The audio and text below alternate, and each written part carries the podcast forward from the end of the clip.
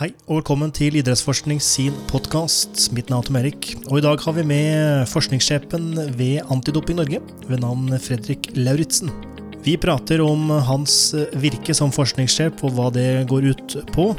Samt eh, så er vi innom hovedsakelig to artikler som omhandler eh, kosttilskudd og eh, urene stoffer inn i kosttilskudd, og hvilke konsekvenser det kan ha samt litt eh, statistikk på eh, doping blant norsk idrettsutøvere, der sistnevnte er eh, foreløpig upublisert. Pre-workout, et trygt produkt å kjøpe på nett. Og hvis man skal kjøpe, skal man kjøpe fra utlandet eller innlandet. Om Ola eller Kari Nordmann doper seg på et treningssenter, hvem er det som egentlig bryr seg? Og bør kanskje doping i idretten bare bli lovlig, slik at det blir slags rettferdighet for alle. Og med det så ønsker jeg deg en god lytting. Velkommen, Fredrik, til vår podkast. Står alt bra til? Absolutt. Tusen takk for invitasjonen. Bare hyggelig. Eh, hvor er det du befinner deg nå? Er det Oslo? Er det andre steder i Norge? Nå sitter jeg på Ullevål stadion i Oslo, hvor eh, Antidoping Norge har sitt eh, hovedsete. Ok.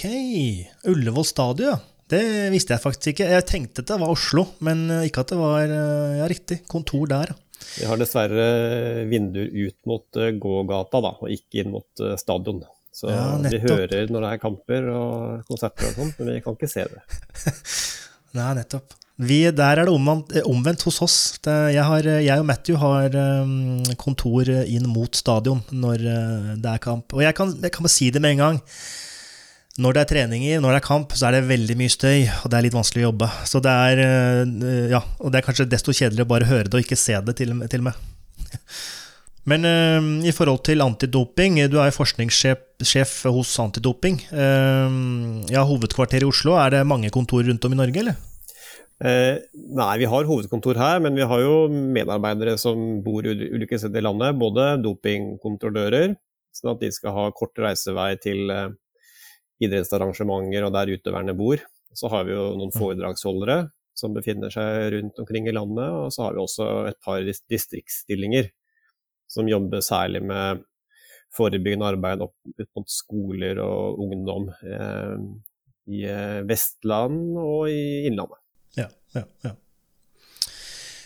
Eh, ja, som nevnt så er du forskningssjef ved Antitop i Norge, men vi ønsker selvfølgelig å eh, vite litt eh, mer om deg og din bakgrunn. Så hvis du kan fortelle litt om deg sjøl i form av ja, utdanning, tidligere jobb, og kanskje vente litt med nåværende jobb, og, og din forskningsbakgrunn. Ja, jeg har jo alltid vært interessert i idrett og trening. Jeg begynte å jobbe litt på treningssenter etter videregående. Syns det var spennende. Jeg eh, var på noe helgekurs. Jeg var jo verdensmester etter det, selvfølgelig, men eh, følte jo ganske raskt at jeg trengte noe mer kunnskap. Så begynte jeg å studere idrett i 2003. Så ble det etter hvert en mastergrad i idrettsfysiologi på idrettshøyskolen. Hvor jeg skrev masteroppgave om eh, stressrespons i skjelettmuskulatur.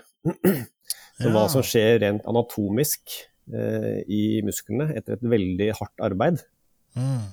Så det var spennende. Jeg jobba sammen med Truls Råstad og Gøran Paulsen og Simen Gulterud Ove på Universitetet i Oslo. Fikk et par publikasjoner. Fikk også noen undervisningsoppdrag på den tiden, på NIH. Jobba litt på Høgskolen Innlandet på Lillehammer. Så det var morsomt. Få for å mm. presentere forskning òg, og kunnskap, ikke bare lære nytt hele tiden. Og så gikk jeg rett på doktorgraden. Jeg var ferdig, ferdig med master i 2008. Gikk rett på doktorgraden eh, på Universitetet i Oslo. Og da bytta jeg organ fra muskel til hjerne, men brukte en del av de samme metodene da, som jeg hadde lært meg på masteroppgaven. Så også på anatomiske studier av hva som skjer i hjernen Eh, ved ulike hjernesykdommer. Det var i hovedsak epilepsi jeg jobba med da. Ok. Så jeg er ferdig med doktorgraden i 2012, og da ønska jeg meg litt tilbake til trening og idrett igjen, hadde savna det. Jeg hadde hatt litt undervisning på Høgskolen i Innlandet. Jeg hadde undervisning i idrettsbiologi, anatomi, fysiologi. Jeg ville tilbake til det. Eh, og da begynte jeg eh, med høyskolestudier i eh, fitness, personlig trening. Mm. Så jeg reiste til USA. Og var med og egentlig å starte opp utdanning da, og trenerutdanning i Orlando, Florida. Første gangen i 2012. Det var jo kjempegøy. Både hadde mye undervisning selv og lage undervisningsplaner og, og ikke minst følge opp alle disse norske studentene som kom fra Norge til, til USA. Men det var jo litt krevende å være så langt borte over lengre tid. Så jeg holdt på med det et par år, eh, og hadde lyst på nå i Norge, og begynte da i Antidopp i Norge i 2014. Ja, nettopp. Og siden har jeg vært her. Hatt litt ulike roller, jobba litt med forebygging, folkehelse, vært leder for uh, forebyggingsavdelingen, og jobber nå med, med, forskning. Ja, nettopp. Nettopp. Mm, mm. Så vil du si at du har to gode føtter både i idrett og helse, i hvert fall med tanke på masteren din og ph.d.-en din, og så mer um ja, PT, jeg vet ikke om det er personlig helse eller eh, skal, hvor det havner hen, men det er egentlig begge deler, for så vidt. Du kan jobbe med begge, begge populasjoner. Ja, det, det, det, vil jeg si har vært veldig nyttig for meg å ha hatt både en del praktisk erfaring, men også eh, den teoretiske kunnskapen i bunn. da, Å få en slags pondus av det. Eh, så det har vært veldig nyttig i mange sammenhenger. Eh, og det med trening har alltid kommet tilbake til. Det har vært viktig hele veien. Ja. Du har, ikke, har, du drevet med noe idrett sjøl? Ikke på noe høyt nivå. Drevet med mye forskjellig, men den ble aldri spesielt god. Ja, ja, ja. som, eh, som, folk flest. Um, men um, uh, du har jo en veldig, jeg vil påstå ganske bred bakgrunn, uh, med både en ph.d. i forhold til hjernefunksjon og ulike tilstander eller sykdommer. Samtidig master og mer på fysiologi, fysiologi på et veldig mikroskopisk nivå. Og er det noe av den bakgrunnen, eller i den bakgrunnen som du kjenner at du får veldig bruk for i den jobben du har som forskningssjef ved Antidoping Norge? Det er klart, Jo lenger utdanning man tar, så blir det jo mer og mer spissa. Ehm, så det er jo ikke så mye av den direkte fagkunnskapen og mye av det på doktorgraden f.eks., som jeg bruker i dag. Men det, eh, man lærer jo veldig mye eh, andre ting eh, av å gå et sånt langt utdanningsløp. Det har jo noe med hvordan man tilegner seg ny kunnskap, hvordan man jobber systematisk, selvstendig Eh, evne til å presentere kunnskap på en lettfattelig måte, sette seg inn i nye ting. Så det, og det har jeg jo kjempegod nytte av. Se muligheter, problemløsning, eh, være kreativ. Så, mm. så det, jo, det, er jo kjempeviktig i alle typer jobber. Ja, ja. Men um Tittelen forskningssjef, hva, hva, går det ut på? Hva er din, eh, altså ditt daglige virke? Hva, hva, driver du med i denne, denne tittelen, denne mm, stillingen? Altså, antidopingfeltet er jo veldig bredt. Så har jo Det er eh, samfunnsvitenskap, og det er naturvitenskap, og det er psykologi og medisin, eh, fysiologi, det er kjemi. Så, så veldig, veldig mye forskjellig. Så, øh, og vi i Antidop Norge kan jo ikke forske på alle de feltene selv, mm. men vi er jo veldig interessert i å bringe fram ny kunnskap som kan gjøre antidopingarbeidet bedre og mer effektivt. Så litt av min jobb er jo å, å, bidra til at den kunnskapen kommer frem, enten at vi gjør det selv eller i samarbeid med andre. Øh, og så sitter vi på veldig mye data selv òg, som gjør som vi kan systematisere. og presentere. Og målet er jo å få et bedre antidopingarbeid. Det er jo det målet. Eh, innenfor testing, innenfor det medisinske området og innenfor forebygging. Absolutt. Det er et eh, viktig arbeid dere gjør, vil jeg påstå. Uh, nå er ikke Matthew med oss i dag, men det er pga. andre årsaker. Men Jeg tenker jeg skal starte med et spørsmål som han hadde stilt, eller som i hvert fall vi har diskutert eh, på jobben vår i, på, i lunsjrommet, der han egentlig var på den ene sida, og så var alle, alle, oss andre på den andre sida. Det handlet om dette med antidopingarbeid og deres samarbeid med treningssenterbransjen med tanke på rent senter. Eh,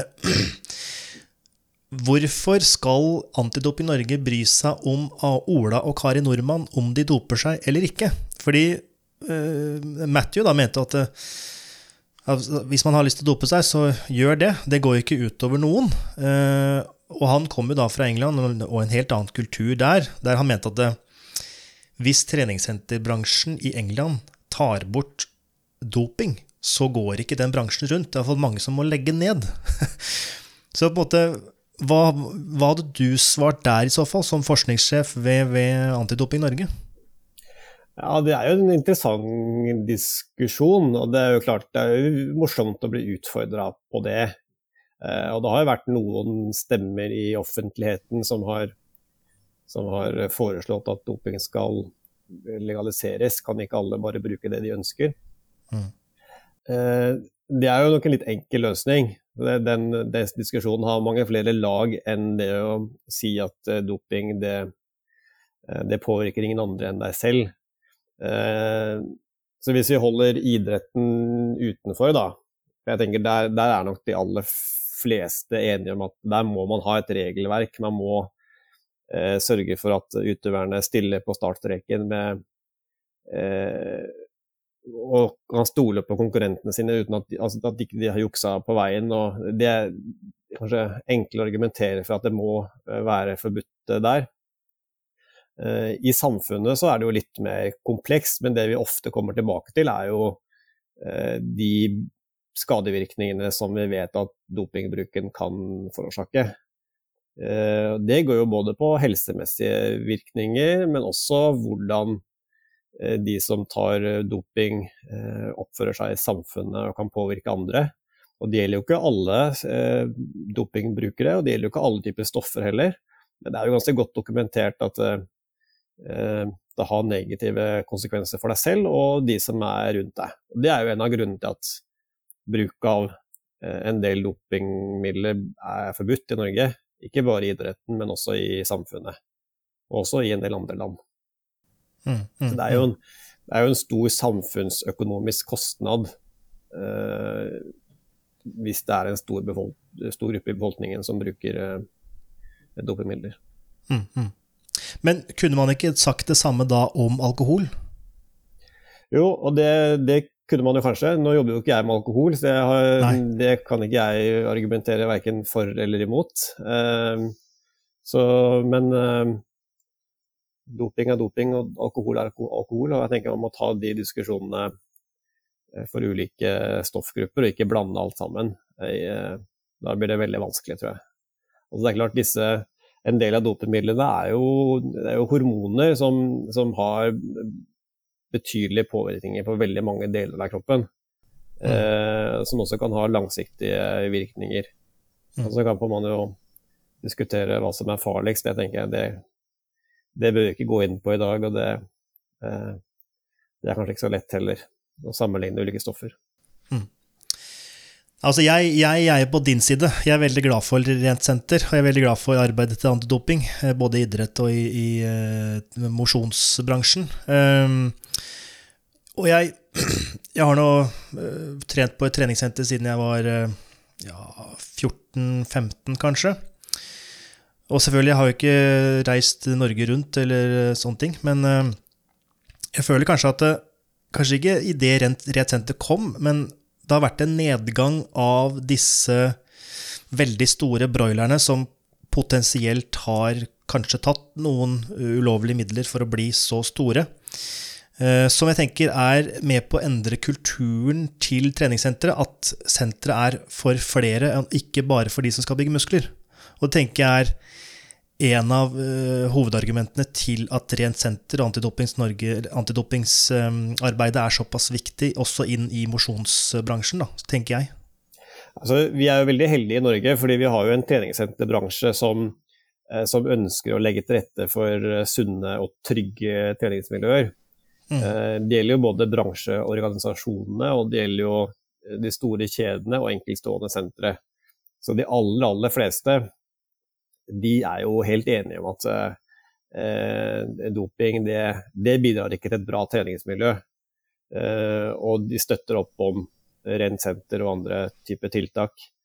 Og så har du jo rett rett i at det, den brukergruppen har nok endra seg litt, og måten man bruker stoffene på har endra seg litt på. Så du har ikke de store kroppsbyggerne så mye lenger. Det som kanskje er en, en stor bekymring nå, er jo eh, kanskje yngre og yngre eh, grupp, brukergrupper da, som tar i bruk treningssentre, dropper ut av idrettslagene, Eh, og så er jo det utgangspunktet bra, at de begynner å trene hvis de får god hjelp og sånn på et treningssenter. Eh, men kan jo da bli møtt med andre typer idealer. Uh, både på treningssentre, men også via sosiale medier. De måler seg opp mot andre hvor noen av de kanskje har brukt doping for å få resultater som er helt urealistiske å oppnå uten doping. Sammenligner seg med det. og og får uh, problemer, da. Uh, psykiske problemer, eller noen bruker, begynner kanskje å bruke selv. Um, og det, er, det, har det vært mye snakk om i media det siste, uh, de siste årene, egentlig. at ungdom sammenligner seg med andre og ikke syns at de selv er gode nok sånn som de er. Mm, mm, mm. Ja, absolutt. Det ene er å ta doping bevisst, altså anabole steroider eller veksthormon eller hva det måtte være. Det andre er å kanskje få det i seg mer ubevisst, og det har vel kanskje vært en diskusjon som har dukket opp i de siste åra med tanke på kosttilskudd og urene kosttilskudd. Enten at man vet det er urent og tar det for det, eller at man tar det uten å vite at det er ikke reint. Altså det er mere eller flere ingredienser i den lista som ikke blir nevnt. Og da har jo du en studie som heter Dietary Supplements as a Major Cause of Anti-Doping Rule Violations. Hva er det denne studien handler om, eller hva var eh, Vi kan ta hensikten først, da. Hva var hensikten med studien her?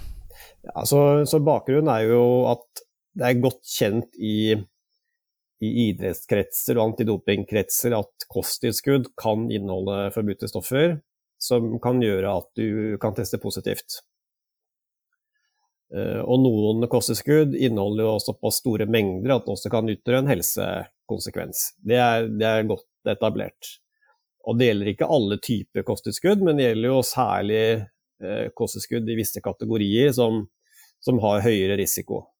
Så nå er det viktig å eh, understreke at nå snakker vi ikke om vitaminbjørner eller eh, liten grad sportsprodukter også. Altså, dette er andre typer kosttilskudd da, som hevder å være prestasjonsfremmende, muskelbyggende, fettreduserende.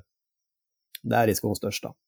Selv om man har tidligere funnet forbudte stoffer i alle typer kosttilskudd, så så er risikoen eh, den varierer veldig. Men vi ønsket å se på For det, det er noen data fra utlandet eh, hvor man har sett at eh, det er ganske høy forekomst eh, av eh, forbudte stoffer, dopemidler, i en del kosttilskudd. Mm. Um, vi hadde ikke noe lignende tall fra Norge, så vi gjorde et arbeid for noen år tilbake sammen med Mattilsynet og Legemiddelverket, hvor vi kjøpte inn kosttilskudd fra nettbutikker mm. som markedsførte seg mot norske forbrukere.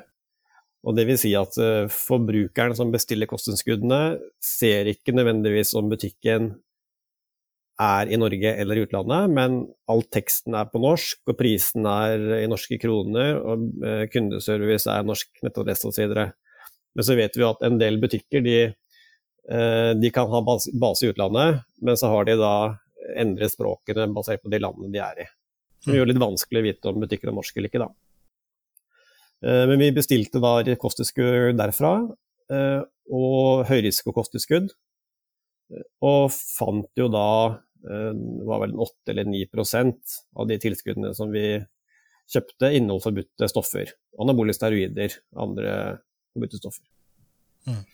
Så det var forløperen. Og så ønsker vi å se også på hvor i hvor stor andel av dopingdommene i norsk idrett er kosttilskudd involvert.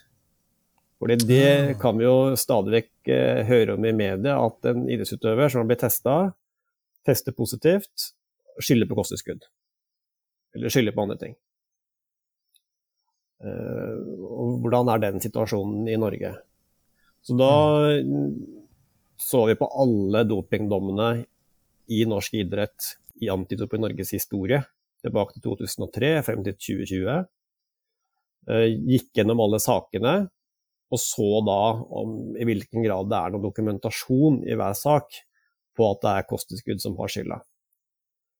Eh, det første vi så, var jo at i ca. en fjerdedel av disse dopingdommene så skylder utøver på kosttilskudd. Eh, så de, disse dopingdommene da, som skyldes da eh, funn av et forbudt stoff i urin eller blod. Men så er det ikke sånn at det er mulig å bevise i alle saker at det er kosttilskudd som er årsaken til stoffet i utøverens kropp. Mm. Um, så i 14% av alle dopingdommene som skyldes et forbudt stoff i utøverens kropp, 14% så er det med stor sannsynlighet et kosttilskudd som hadde, var årsaken til det. Mm. Um, og da, Noen av disse kosttilskuddene de, de, var jo deklarert med et forbudt stoff, ganske mange faktisk. Så da er det egentlig utøverne som har vært eh, for lite oppmerksom. Eh, har ikke sjekket det med dopinglista. Vi vet jo at en del av disse forbudte stoffene i kosttilskudd de kan jo man opereres med mange navn, så selv om man søker opp navnet i dopinglista, så finner man ikke der, fordi det er brukt et annet navn på etiketten. Ja, nettopp. Og så var det selvfølgelig også noen kosttilskudd hvor det ikke var deklarert, og hvor kosttilskuddet var forurensa med et forbudt stoff. Um, så, og det, det var det, Den andelen, 14% var jo var nok høyere enn det jeg hadde forventa. Det er ganske, ganske mange saker. Ja, 14 altså hva, hva, Hvis vi snakker om antall her 20, altså 27 saker. 27 ja, dopingdommer. Ja. Men da 27 saker i løpet av dette tidsaspektet på 17-18 år? Så det, i, i, Siden 2003 til 2020 så er det 192 dopingdommer i norsk idrett som skyldes eh, et forbudt stoff i utøverens eh, kropp. Og så er det også andre dopingdommer som skyldes at utøvere har nekta å avleve dopingkontroll eller innførsel av forbudt stoff eller sånt, men der, de kan man ikke inkludere når man skal se på kosttilskudd. Man må se på utøveren har avlevert urin eller blod. Uh, urinen inneholder da et forbudt stoff. Kan kosttilskudd forårsake, uh, ha forårsaket det forbudte stoffet. Så 27 saker, da. Og så var det også interessant at uh, syns jeg. Eh, fordi det har vært skrevet ganske mye i media om dette opp igjennom, og utøvere blir stadig vekk advart om risikoen med å ta bestemte typer kosttilskudd. Eh, men det er jevnt gjennom hele perioden, og flere saker nå de siste fem årene enn det var i starten av perioden, f.eks. Mm. Så, og det, vi så jo at ingen av kosttilskuddene her var jo kjøpt i Norge, f.eks. Så de var kjøpt i utlandet. Så det er jo åpenbart eh, rødt flagg. Ja, for det, det, det, skjønner jeg ikke helt. Eller jeg, jeg, ja, jeg skjønner ikke helt, fordi øh, hvis man kjøper fra utlandet, så er det jo en større usikkerhet, hadde iallfall hadde jeg, jeg tenkt, da. Og da kanskje jeg er naiv og tenker at Norge er bare bra, og norske studenter er ærlige og gjør ikke noe ulovlig. Men at man når man tar valget om å kjøpe fra utlandet, Uh, og jeg vet ikke om dere vet om motivasjon, om det er billigere, om det er uh, Ja, jeg vet ikke. Men uh, jeg syns det er litt sånn Da har du tatt et valg basert på usikkerhet, og da må du også kanskje være klar over potensielle konsekvenser av det. Ja, helt opplagt. det er mye høyere risiko i utlandet, og, men det er nok en kombinasjon av at det kanskje er billigere, bedre utvalg, man er ikke oppmerksom på risikoen. Og det viser jo tydelig at når eh, flere av kosttilskuddene var deklarert med et forbudt stoff, mm. Eh, så har ikke utøver fulgt med. Eh, men mange av disse utøverne var jo også på lavere nivå. Ja. Ballidrettene, lagidrettene, særlig belasta. Så det kan jo tenkes at de, de blir testa i liten grad, har ikke noe særlig forhold til antidopingregelverket. Men plutselig så dukker dopingkontrollørene opp på en trening eller en kamp og tester deg, og så tester du positivt. Mm. Men når du sier det er på lavere nivå, og du nevner ballidretter, er det da at de tar et kosttilskudd ikke fordi de skal bli bedre i fotball f.eks., men at de trener styrke på fritida, at de ønsker å ivareta eller opprette en sommerkropp, eller hva det enn måtte være. At det ikke er eh, Det er ikke noe link mellom idretten og kosttilskuddet, men heller øh, andre grunner da, til at man tar dette kosttilskuddet? Ja, det kan nok være øh, begge deler. Og det er jo alltid litt vanskelig å vite utøverens øh, reelle motivasjon for å ta kosttilskuddet. Og man kan jo si at selv om utøveren har tatt et kosttilskudd for å trene styrke, så har vedkommende blitt sterkere, og det er også kanskje da nyttig i enkelte situasjoner i, i fotball. Eh, men, men, du blir jo ikke noe toppspiller nødvendigvis av å bli bare sterkere. Det er mer sammensatt prestasjon i lagidrettene. Eh, så det er, nok, det er, nok, noe sånn eh, kroppsbyggingsmotivasjon eh, blant idrettsutøvere på lavere nivå. Eh, men så var det også en del saker eh, av utøvere i vektklasseidretter som hadde tatt et kosttilskudd som skulle hevdet å være vektreduserende. Mm. Ikke sant? Eh, stimulere energimetabolismen fordi han eller hun skulle gå ned i vekt og, og komme inn i en vektklasse og teste positivt. Da har man åpenbart tatt en ganske stor risiko eh, ved å ta det kosttilskuddet. Eh, dere nevner på en måte, på en måte bakgrunnen var på en måte når de bestilte produkter fra utlandet, og, disse norskifiserte butikkene på nettet. Er det ingen tilfeller, og det er kanskje litt vanskelig å svare på, fordi det er kanskje få produsenter her i Norge, men er det ingen tilfeller der norske nettsider, norske produsenter, har eh, hatt uh, urene produkter som er norskproduserte? Da, at det her Ja, finnes det tilfeller av det? det? Det er jo litt vanskelig å svare ja eller nei på det, fordi det kommer hele tiden nye produkter inn på markedet. Så det, eh, det er jo en del som ønsker at vi skal ha en liste over kosttilskudd som er trygge å bruke. Mm.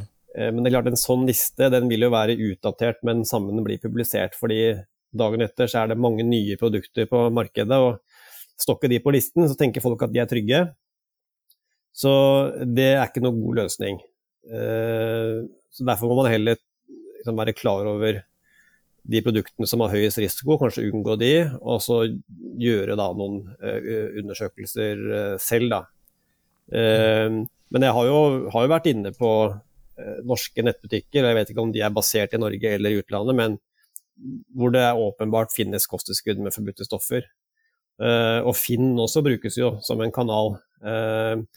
sikkert ah. i privatpersoner som kjøper kosttilskudd selv, som helt åpenbart selger kosttilskudd med forbudte stoffer på Finn. Mm. Uh, det er jo. Det ville i hvert fall ikke jeg kjøpt. Nei. um, fordi i denne studien så er det jo en, i hvert fall spesielt én type kosttilskudd som blir dratt frem, og det er jo dette med pre-workout, altså PVO. Uh, som kalles for multi-ingredient pre-workout, som ja, koffein og betalanin og sitrin malate og kanskje grønn te og masse greier inni. Det er ofte de som blir tatt, i hvert fall ifølge studien deres, stemmer ikke det? Jo, veldig stor andel av de sakene eh, som kobles til kosttilskudd, sa utøver brukt eh, pre-workout. Um, og noen av de sakene kan jo kobles til um, et bestemt type kosttilskudd Uh, Jack, Jack, 3D, som var populært uh, en tid tilbake. Som, uh, det var kjent at det inneholdt metylhexanamin, som er stimulerende stoff.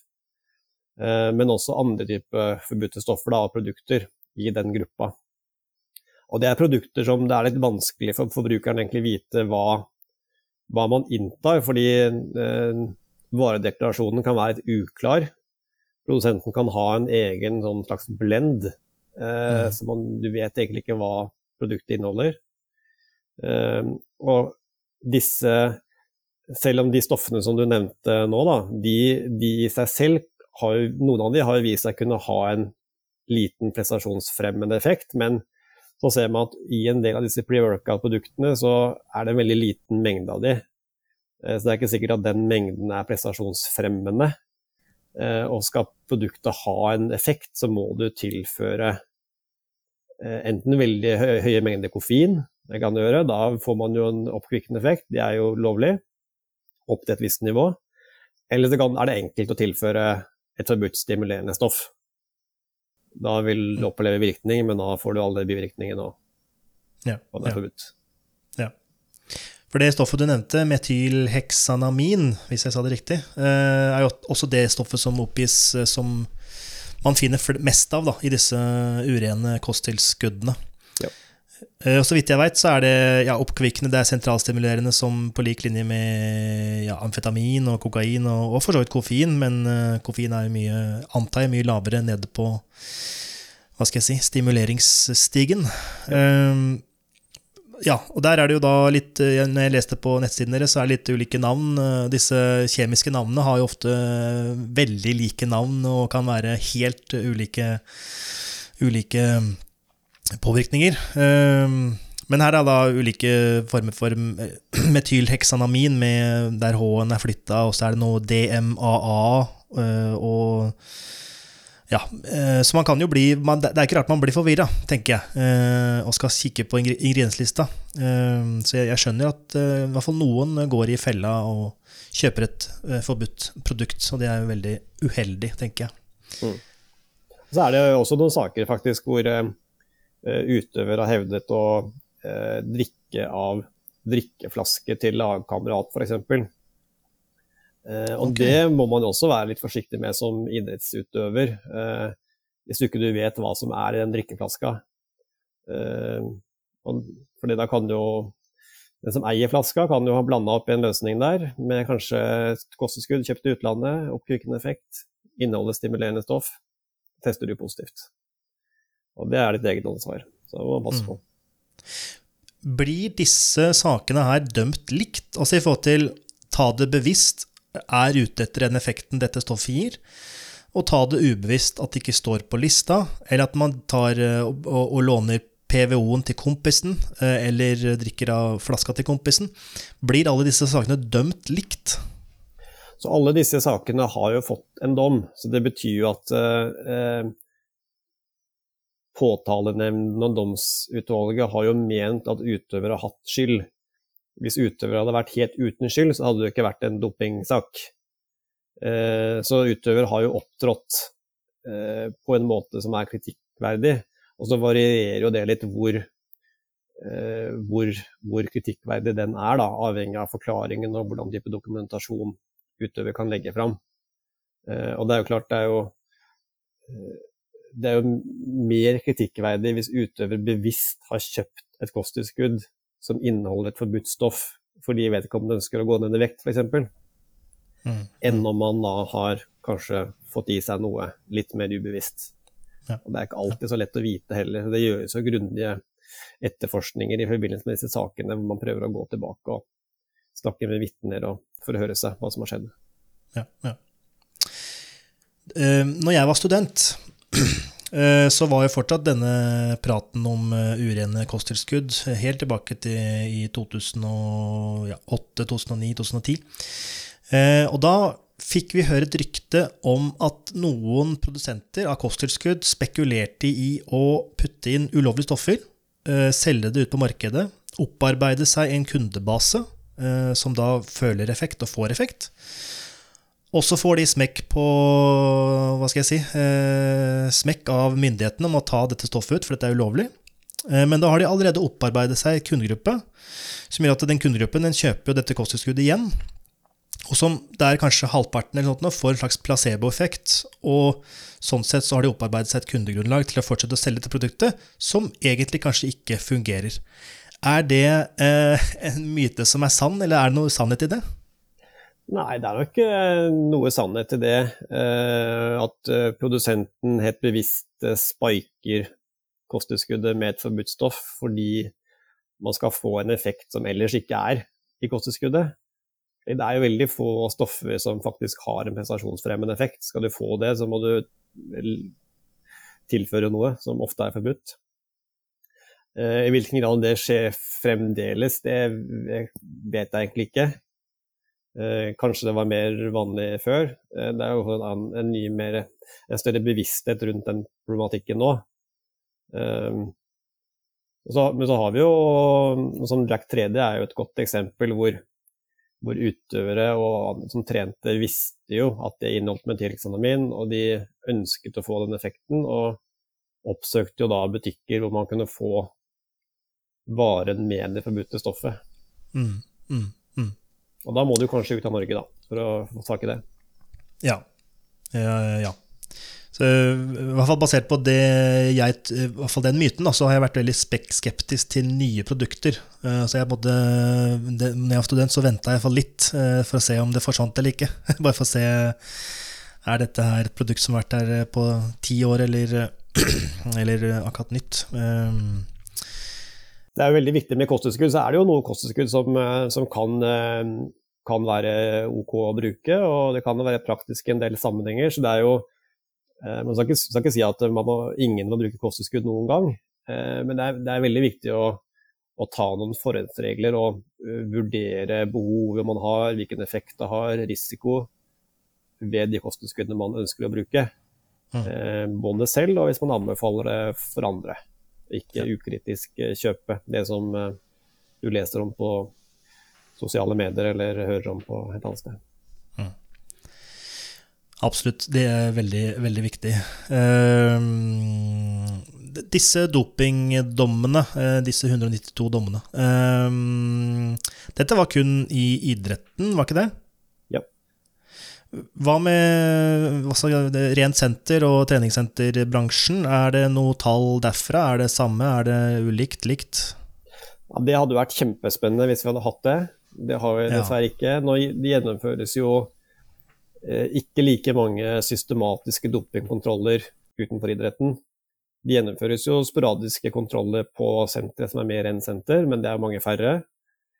Eh, og vi har vel ikke noe statistikk på Eh, kosttilskuddsbruk i forbindelse med de sakene.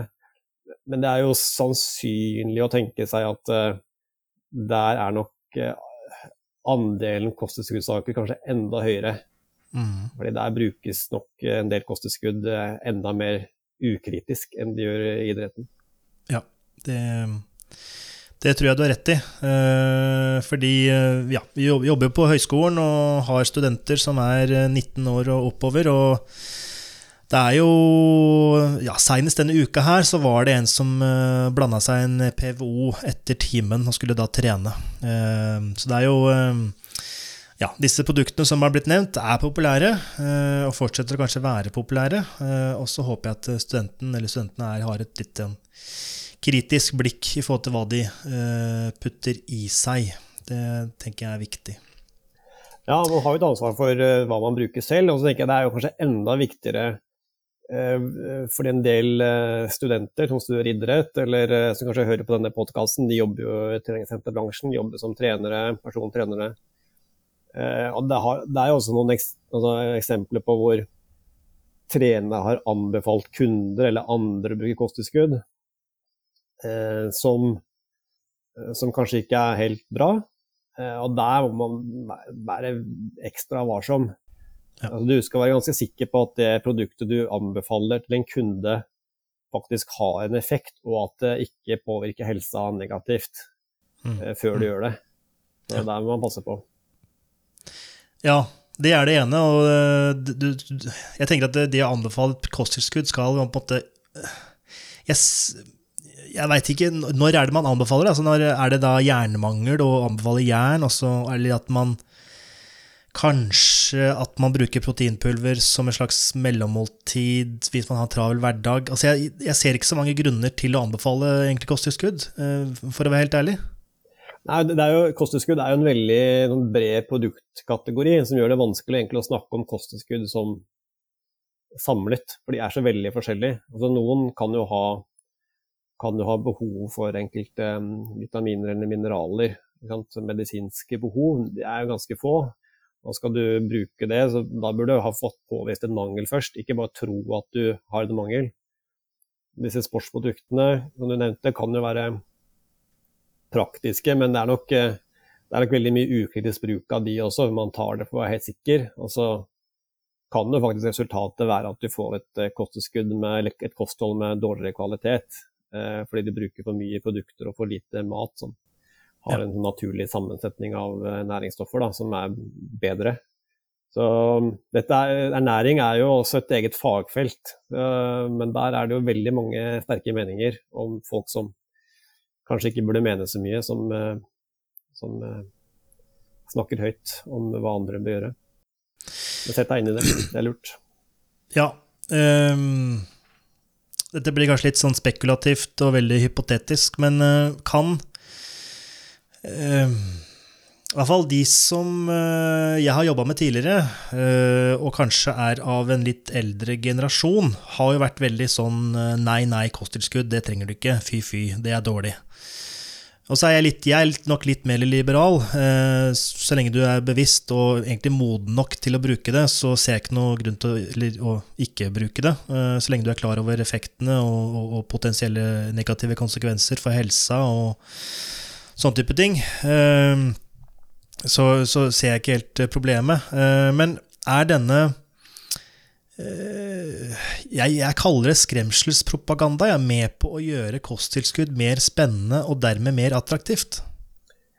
Ja, Med skremselspropaganda så mener du sånn data som dette? Nei, ikke, nei, egentlig ikke data som dette, for dette er jo fakta. Eh, men ofte så baserer det seg på en veldig sånn binær tankegang, og kosttilskudd er ikke noe bra. Fordi, og da tar man at alle kosttilskudd er urene eller ikke gir effekt, som ikke er sant. Ja, jeg, jeg, tror den diskusjonen ofte er, har vært veldig svart-hvitt. Enten så er du helt imot kosttilskudd, eller så bruker du alt som finnes uh, og har troen på at alt har effekt. Og så ligger nok sannheten et sted midt imellom. Jeg tror nok kanskje også at Antidop i Norge, hvis man går flere år tilbake i tid, uh, uh, var veldig kritisk til all type kosttilskuddsbruk. fordi man var jo kjent på denne risikoen. og tenkte jo at det tryggeste var jo da at ingen brukte det. Mm. Det er nok ikke tilfellet nå lenger. Så det er mye viktigere altså I budskapene våre nå da er det viktig at individet vurderer selv behov, effekt og risiko. Uh, så tror jeg nok veldig mye av de kosttilskuddene som brukes, de, de utgjør ikke noe fare, men de gir heller ikke noe effekt. Så det er, mye av det er nok bare bortkasta penger. Ja. Og så er det kanskje en liten del som, som er gunstig for, av ulike grunner. Um, men, um, men, gjør din egen vurdering, og ikke gjør det alle andre gjør. Altså, folk er forskjellige. Uh, dette må jo ses i sammenheng med hva man ellers spiser, og hva man trener. Og. Så det er nok et, et råd, da. Mm. Og unngå, de, unngå, de, unngå kjøp fra utlandet hvis du kan det unngå de høyrisikoproduktene, eller er i hvert fall spesielt varsom. Ja, vær, vær uh, klar over eh, at ikke du, du, kommer ikke til å bli i superform av kosttilskudd alene. Det er andre ting som er viktigere, mye viktigere. Ja, ja, ja. Det er helt klart. Og uh, jeg har også tenkt på det altså Jeg og Matty diskutert i forhold til at dersom et kosttilskudd da gir 4-5% signifikant ekstra fremgang eller gevinst, vil du som mosjonist egentlig merke det? For det tror jeg heller ikke. Om det er økning i muskelmasse eller muskelstyrke eller Jeg tror ikke Altså, øh, forskjellen på øh, 10 og 14% Jeg tror ikke vanlig mann i gata merker den forskjellen, for å være helt ærlig. Jeg, jeg tror all, særlig, kanskje særlig unge da, som begynner å trene litt sånn seriøst uh, på treningssenter, kanskje, så, så tillegger man kosttilskudd altfor mye uh, vekt. Altså, det er jo så mange andre ting som er mye viktigere for å få treningsframgang.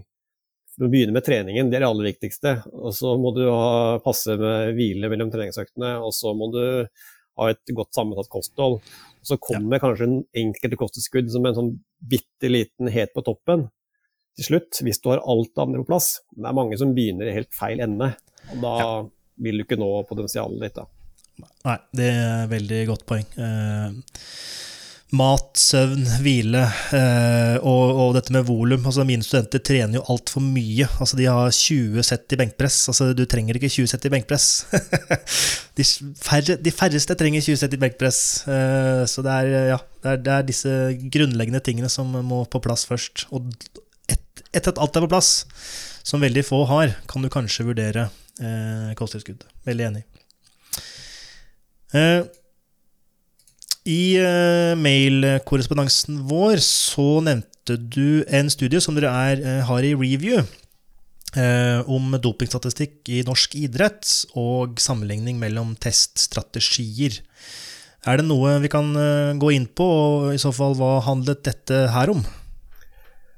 Ja, det kan vi jo snakke litt om. Dette er jo et kjempespennende arbeid som baserer seg på noe av de samme dataene som ble brukt i den kosttilskuddsstudien. Fordi dette baserer seg altså på testhistorikk eh, og dopingdommer tilbake til 2003. Mm. Eh, så Antidop Norge har jo innhenta veldig mange prøver i den perioden. Over 50 000 prøver faktisk av norske idrettsutøvere på ulike nivåer. Og så er det jo viktig for oss å se, evaluere testprogrammet. Hvilke strategier er det vi bruker? Er det egnet til å avdekke doping? Er det egnet til å avskrekke eh, dopingbruk? Mm. Så der også har vi sett på alle sakene og se hvem, hvilken type utøver er det som får en dopingdom i norsk idrett. Mm. Og det er jo interessant, og kanskje litt overraskende. Eh, opp mot hva befolkningen forventer, vil jeg tro. Ja, nettopp. Og er det noe du kan dele her i dag, eller er det hemmelig fortsatt? Nei, jeg kan, jeg kan gjerne si litt. Altså, det første som er veldig slående, er jo at eh, det er nesten bare menn som, som uh, får en dopingdom. Så, det er ikke overraskende, syns jeg. Eller jeg, jeg ble ikke overraska nå, egentlig. Nei, men hvis jeg sier at det er 96% menn å oh, ja, ok. Ja, det var litt, det var litt høyt, ja. ok, wow. Nå er det jo sånn at uh, nå er det jo uh, eh, innhenta flere prøver i idretten blant menn enn kvinner også. Uh, det er en skjevfordeling der fra før av. Men at det skulle være en så stor overvekt av menn, det var nok overraskende for meg. Ja, det er jo helt åpenbart at menn er mer uforsiktige, tar større risiko. Det, kommer dårlig, menn kommer jo dårlig ut på alle sånne statistikker, eh, samme hva man mm. snakker om, egentlig. Og også denne, da. Mm. Eh, noe annet som er interessant, er jo at det er ca. halvparten av alle dopingdommene i norsk idrett er i ball- og lagidretter. Så det okay. er jo, som vi snakket litt om i stad, så er jo det idretter som er sammensatte, som, hvor du krever da veldig mange ulike egenskaper for å lykkes i idretten din. Du må, måle, du må, ha styrke, du må ha utholdenhet, du må ha god motorikk, du må ha bevegelighet, må, det er taktikk, teknikk, du skal fungere sammen med et lag. Mm. Det er ikke sånn at uh, hvis du tar uh, et dopemiddel, så blir du automatisk bedre enn bedre fotballspiller. Uh, men allikevel så er det ball- og lagidretter utgjør en veldig stor andel. Hm. så det var interessant. Mm. Og så er det jo selvfølgelig også en del saker i eh, styrke- og kraftidrettene, sånt, det som man kunne, kan forvente. da. Eh, ja. Noen kampidretter. Mm. Er det noen forskjell mellom øh, olympiske idretter versus ikke-olympiske idretter? For jeg vet at Tidligere forskning har vist at øh, når en idrett blir, går fra å ikke være olympisk til olympisk idrett, så faller dopingprevalensen. Har dere funnet noe der? Ja, de fleste av disse idrettene er nok olympiske. Ja. Selv ballidrettene er jo olympiske. Fotball, ishockey, håndball, mm. innebandy. Uh, styrkeløft er jo ikke en olympisk idrett, men vektløfting er det. Uh, altså det er jo noen av disse småidrettene, som luftsport, ulike sikteidretter og sånt, som, hvor det er, vi ja. har dopingdommer som ikke er olympiske, men tror de aller fleste er olympiske idretter. Ja, ja, ja. Uh, men så er det jo veldig tydelig i de norske tallene uh, at det er uh, en stor Altså de aller største andelen av dopingdommene er blant utøvere på litt lavere nivå. Så under nasjonal topputøvernivå. Det er de samme som får dopingdommer med kosttilskudd. De får også dopingdommer av med andre, andre typer dommer. Men eh, i disse dopingdommene og disse tallene, er det noe eh, blir igjen litt spekulativt, da, men når man kommer på et høyere nivå, så tar man sikkert grep dersom man skal dope seg, da, tar sikkert grep for å skjule disse sporene i større grad enn på lavere nivå, som gjør at det, på høyt nivå så er de bedre på å dope seg enn på lavere nivå, og dermed så kan det mm, Hva skal jeg si Gjøre at funnene også blir litt uh, annerledes. Da. At kanskje det er noen mørketall på toppidretten, eller, eller ja Er det en spekulasjon som holder vann? Ja, det, det, er, det, er, jo en spekulasjon. Eh, ja. det er vanskelig å svare på det. Men det kan jo godt hende at eh, når man eh, kommer på et høyere nivå, så blir dopingen mer sofistikert. Mm. Eh, men, men eh, da blir det ikke en dom, og da er det ikke en del av datamaterialet. Eh, og i hvilken grad det skjer i Norge blant norske utøvere, det kan ikke jeg svare på, egentlig. Det som nok er ganske tydelig, er at de utøverne som konkurrerer på et høyt nivå, de testes veldig mye. Og mange av de testes nok såpass ofte at den dopingen har en så sterk avskrekkende effekt. Så det er eh, veldig lite rom for å dope seg. Mm. Uh, mens i ball- og lagidretten og en del styrkeidretter så er det kanskje utøvere på litt lavere nivå, forventer ikke å bli testa, blitt overrasket av dopingkontrollørene i en eller annen sammenheng, tester positivt. Ja. Så tror jeg vi, vi, i Norge så har det jo vært noen uh, høyprofilerte dopingdommer hvor man har sett at konsekvensene for utøver er veldig, veldig store. Så man blir uh, får veldig sterke reaksjoner fra det norske samfunnet. Så det norske idrettsmiljøet, særlig på i disse individuelle idrettene på høyt nivå, der er, tror jeg det er i veldig liten grad er akseptert å dope seg. Å ha en veldig god, god moral i bunn. Det betyr jo ikke det at det vil finne folk, folk der også som, som, bryter regelverket, men jeg tror vi er, vi er heldige i Norge fordi man har en, en uh, Idretten har vært imot doping lenge, og man har hatt et veldig godt antidopingprogram i veldig mange år, uh, som gjør at uh, det er mindre doping på toppnivå i Norge enn det er i noen andre land. Det tror jeg. Ok, ja, ja. Riktig. Så når man ser på enten absolutt og sammenligner oss med Kroatia, som har kanskje litt samme befolkningstall, eller sånn rent prosentvis, så har vi færre dopingdommer altså rent relativt. Jeg tror Hvis man sammenligner med globale Kroatia vet jeg ikke, men hvis man sammenligner med hele verden sett eh, sammen, så mm. er tallene ganske sammenlignbare. Altså andelen dopingdommer i forhold til hvor mange prøver man har tatt. Norge ligger litt lavere, men ikke så veldig mye. Men forskjellen er jo at eh, i Norge så er veldig mange av sakene på lavere nivå, mens i de fleste land så tester man jo nesten kun utøvere på, på høyt nivå. Ja, nettopp. Vi vi, jo, vi tester jo alle som, alle som er medlem av et norsk idrettslag i Norge, kan jo bli testa. Og det jo, har vært viktig både for å ha, kunne ha en god forebyggende og avskrekkende effekt, eh, opplærende effekt, men også for å, for å, avdekke doping på lavere nivå.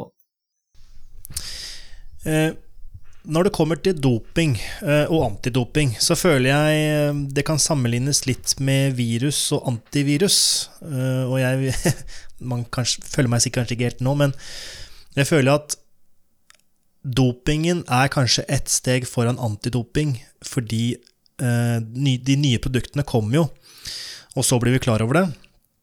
Eh, og så finner man metoder for å teste dette her. Eh, kanskje man må ha nye metoder. Kanskje man ikke finner det i urinen eller blodet eller ja, eh, andre måter å teste det på. Eh, så, men jeg føler den, den gapen mellom eh, nye produkter og antidopingsarbeid har blitt tettere. Eh, at man klarer å catche opp uh, disse nye metodene for å dope seg på mye raskere. Jeg vet ikke hva du tenker om det, Fredrik? Altså, det er jo helt klart at uh, analysemetodene har jo blitt mye, mye bedre. Og de har jo blitt uh, såpass, såpass, sensitive nå at i hvert fall for en del stoffer så, så kan du oppdage veldig, veldig små mengder eh, mengder som egentlig ikke vil gi en fysiologisk effekt hos utøveren. Og Derfor har man jo en del saker hvor utøver f.eks. har spist mat i utlandet, fått i seg et forbudt stoff fordi kua du spiser, har fått noen hormoner. Mm. Det stoffet eh, vil sannsynligvis ikke gi deg noen prestasjonsfremmende effekt, men testene er så sensitive at det vil dukke opp der allikevel. Så Det er jo en utfordring, særlig hvis du er topputøver. du må være så forsiktig med alt du omgir deg med, uh, så ikke skal teste positivt. For det er tross alt i de fleste tilfeller ditt eget ansvar. Ja. Uh, så er, men så er det jo også noen stoffer som det er vanskeligere å spore. Uh, hvor du da ved sofistikert bruk har muligheten til å unnslippe eller komme under radaren så tror jeg kanskje det er eh, vel så mye å hente på selve testplanleggingen. Altså Analysearbeidet det fortsetter hele tiden. og Det blir stadig vekk nye stoffer og nye analyser, og de blir bedre og bedre. Eh, men hvordan antidopingorganisasjonene planlegger testingen sin, når, hvilken utøver de tester, det, det, blir viktigere og viktigere. Ta i bruk nye metoder. Vi så jo med Uh, Lance Armstrong-saken f.eks. Han ble jo testa over mange, mange år. Uh, ja. Alltid negativt. Uh, men så var det jo sånne whistleblowers som begynte å snakke, og så fikk man en sak. Så det å ta i bruk den type metoder Vi ser jo det i Norge også. tips og informasjon er jo ja. veldig bra for oss, og fører jo til mange dopingdommer. Så uh, saker som jobbes frem på den måten, blir viktigere og viktigere. Ikke bare tradisjonell prøvetaking. Ja. Så at uh, idrettens uh, indre justis er altså med på å hjelpe deres arbeid, tenker jeg er viktig. Vel, veldig bra. Det er kjempeviktig. Mm. Ja. når det kommer til Det ene er å ta med seg kanskje en biff eller flere biffer hjemmefra i Norge, og sikker på at den biffen ikke er full av hormoner og sånne ting. Istedenfor å spise i utlandet. Eh, det andre er eh, Jeg så en, om det var en dansk eller tysk eller fransk dokumentar om, om doping. Og dette med Der de eh, Noen hadde blitt tatt for anabole steroider, men hadde ikke tatt, tatt det. Altså hadde ikke tatt det. Men så var det sånn at en trener hadde smørt krem, eller anabol krem, på henda og hadde tatt motstander, eller utøveren på motstanderlaget på hånda eller eh, på underarmen, og så hadde den eh, gått inn i huden, gått inn i blodet. Og så, sånn som du sier, at eh, analysemetoden er såpass sensitiv at de fanger opp dette her. Som gjør at man kan påføre motstanderlaget eller motstandernasjonen eh, en dopingdom. Er det, er det, noe dere er ikke helt sikkert klar over, men eh, hva, hva slags kommentarer har du til det? Nei, men Det tror jeg er helt riktig. Altså, for en del stoffer så, så er det absolutt mulig. Altså, man kan uh, sabotere for konkurrentene på den måten. I mhm. hvilken grad det skjer, det vet jeg ikke, men det er jo absolutt mulig. Og jeg tenker jo uh, i konkurranser hvor er, du er tett på publikum f.eks., eller an støtteapparat fra andre land, så kan det være enkelt å eh, sabotere så tror jeg i ganske mange av de tilfellene så, så er det mulig å se eh, hvordan stoffet er inntatt i analysene.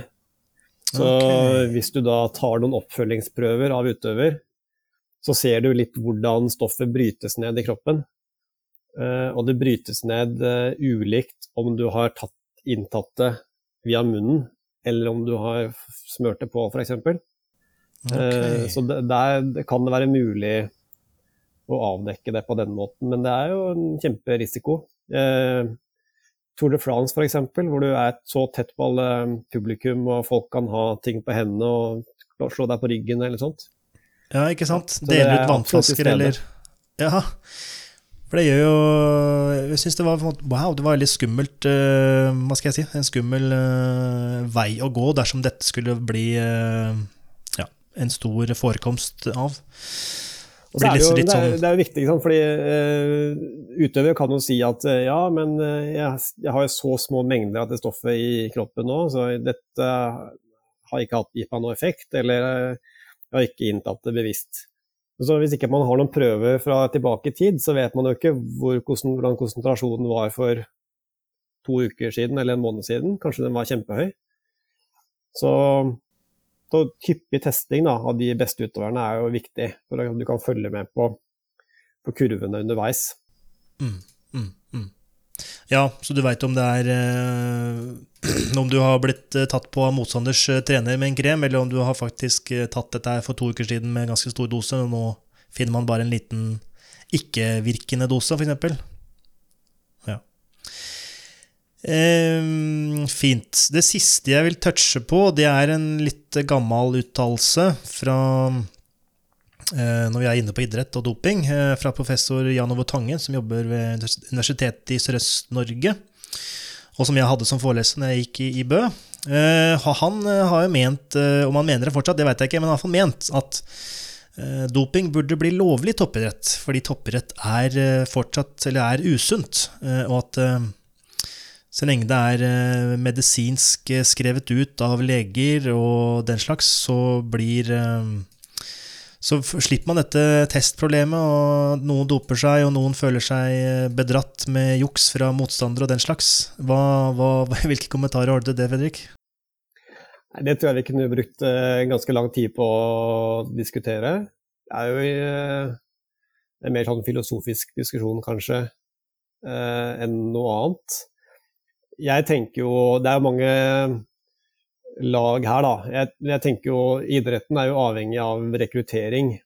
Eh, så de som er topputøvere, de har jo vært barne- og ungdomsutøvere en gang. Er, ønsker vi å sende barna våre til en idrett hvor du, er, du må dope deg for å lykkes når du kommer på det nivået? Det tror jeg vel ikke. Eh, jeg tror vel heller ikke at eh, det ville vært så veldig mange som ville vært interessert i å se på den type idrett. Hvor det er Ikke? Eh, nei, det tror jeg ikke. Hvor det er ikke det er personens talent og innsats som er viktig for avgjørelsen, men egentlig det medisinske støtteapparatet. Mm. Det er en helt annen type konkurranse. Mm. Ja, du, kunne ja, tenke deg liksom sånne, noen sånne freak-eventer da, hvor uh, man blir dopa så mye som mulig, og så er det underholdning. Men jeg tror de aller fleste konkurransene så For det er ikke, det er ikke idrettslegens, uh, dopinglegens kompetanse uh, som egentlig er interessant for hvem som vinner en løpsdistanse f.eks., eller den type Nei, det tror jeg ikke. Jeg tror ikke sponsorene ville vært interessert i det heller, fordi de er jo avhengig av å selge produkter og vil ikke assosiere seg med, med det.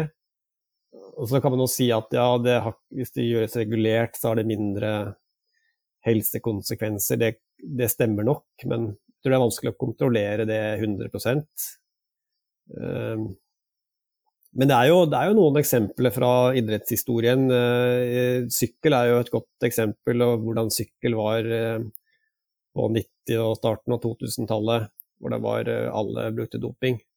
Det er, jo, det er jo en fransk forsker som har intervjuet en del syklister og støttepersonell fra den tida i det franske sykkelmiljøet. Og det han sier, er jo at blant syklistene så så var det en oppfatning om at uh, det å sykle toritt det, det, var så farlig, og det pressa kroppen så mye, at det å bruke dopemidler, det var egentlig bare Det hjalp deg litt. Altså, for du kunne presse deg litt hardere, og uh, du restituerte raskere mellom harde konkurranser osv. Så, videre, så det var egentlig bare en slags medisin. Mm. Uh, men så, ja, så, og der hele miljøet var jo gjennomsyra av uh, dopingbruk, og der var du den flinkeste legen som, ja. som vant, uh, egentlig. Så, nei, men det, det, er interessant, men jeg tror ikke det, det Jeg håper ikke at det kommer til å skje. Nei, det er jo et interessant perspektiv å diskutere, eh, men noe mer enn det tror jeg det ikke er. For jeg er jo veldig enig i dine, dine argumentasjon om at um, i forhold til sponsor og i forhold til helse og dette med kulturen idrett, eh, hvis man da begynner å bringe inn doping, som er sett på som negativt eh, i all forstand. Eh, og iallfall dette med barn, å sende sine barn til idretten der det foregår doping når du har passert 18 år eller den slags, eh, tror jeg ikke er så veldig eh, gunstig. Eller eh, ja populært. Men om folk hadde sett mindre på idretten, det er jeg litt usikker på. Fordi er man Når Lance Armstrong gjorde det bra, eller, eh, eller um, uh, ja, han dansken som jeg ikke husker navnet på, eller han italieneren som hadde barbert håret sitt, eller husker, ja, husker aldri navnet på disse utøverne, men de var jo dopa alle sammen. Det var jo sensasjonelt å se på. Man ble jo Å, shit! Nå drar han ifra, nå sykler han kjempefort dette, opp dette fjellet. Det var jo fantastisk å se på. Det var jo underholdning av stor grad. Og da er mitt spørsmål ble man sur på Lance Armstrong fordi han dopa seg, eller fordi han juksa i forhold til rettferdighet? Fordi hvis det er sånn at det, det er rettferdighet, så faller jo det argumentet bort når alle doper seg, for da blir det en slags rettferdighet innad når alle doper seg. Eller er det fordi man, at man doper seg? For jeg, jeg tenker at det, jeg blir forbanna på Lance Armstrong, det er fordi man jukser og behandler andre urettferdig. Ikke fordi man kanskje doper seg i den forstand, tror jeg, da. Jeg vet ikke hva du tenker om det? Nei, det, jeg vet ikke i hvilken grad eh, TV-seerne og publikum eh, visste at alle brukte doping på den tiden. Det tror jeg vel kanskje ikke. Det har kommet fram i ettertiden. Eh, om vi hadde visst det, hadde det da vært like spennende? Det tror jeg kanskje ikke. Og uh, dette med hvis, hvis, det er så utbredt doping som det var i sykkel på den, den, tiden, så var det sånn at skulle du hele tatt være med og konkurrere der, så måtte du dope deg. Eller så var det ikke noe vits i. Uh, og det er jo ikke en idrett som jeg tror så mange vil ha. Altså, uh, det er ikke nødvendig å stille opp til start engang, fordi du kan trene så mye du vil, du kan ha det beste talentet, du kan ha bra utstyr, men det hjelper ikke fordi motstanderen er gjennomdopa. Så du, da må du gjøre det, du må ta den risikoen. Ehm, den samme franske forskeren som jeg nevnte tidligere, han, eh, dette med Lance Armstrong, for han var jo på topp i den perioden, og da, da mener jeg han sa noe sånn som at eh, konkurrenten til Lance Armstrong begynte jo å bli alle visste at alle dopa seg. Og det var i, i, feltet da så var det sånn at uh, de ga hverandre råd om hvilke leger man bør snakke med for å få dopemidler og hva man bør bruke og sånn. Men på et eller annet tidspunkt så ble Lance Armstrong for dominerende. Han vant for mye. Han for, brukte for, bra, for gode dopemidler sammenlignet med de andre. Og da ble det urettferdig. Mm, ja. så det sier jo hvor sprøtt uh, det var. Altså det var rettferdig opp til et nivå hvor alle brukte ja. de samme dopingmiljøene. Hvis noen hadde bedre enn andre, ja. så ble det urettferdig. Eh, og det, det, kan jo bare fortsette og fortsette og fortsette, og på et eller annet tidspunkt så, så går det helt, spinner helt ut av kontroll. Da. Så, ja. Det er ikke noen god løsning. Nei, jeg, jeg føler deg på den. Det er jeg helt, helt eh, enig Greit. Ehm, jeg føler vi er kanskje ved veis ende. Vi har prata om eh, så mye og mangt, både treningssenterbransjen og idretten, og både dette med kosttilskudd og doping eh, generelt. Ehm, er det noe mm, du savner, eller noe du skulle ha prata mer om, eller noe annet? Nei, egentlig ikke. Jeg syns det har vært en interessant prat. Antidopingfeltet er jo veldig bredt. Vi har vært inne på noen, noen områder. Så veldig bra. Ja. Ok, da vil jeg takke Nei, beklager. Vi har en ting til, og det er sosiale medier og hvor du er på den digitale eteren. Hvor er det man kan følge deg, hvis man ønsker å følge ditt arbeid videre? Det er vel i all hovedsak på LinkedIn. Det er jo det jeg legger ut mest av forskningsresultater og ja, nettopp. ja. LinkedIn. Ja. Det er eh, Jeg ser nå at LinkedIn har blitt en sånn lukka hub, der du må være medlem for å se andre medlemmer, tror jeg. Ja, det? Kan man, jeg tror man kan følge der òg, kan man ikke det? Jeg kan, ja, fordi jeg søkte på navnet ditt og fant deg, selvfølgelig, men uh, jeg kom ikke inn på LinkedIn uten å logge meg inn sjøl. men du er også på ResearchGate. ja.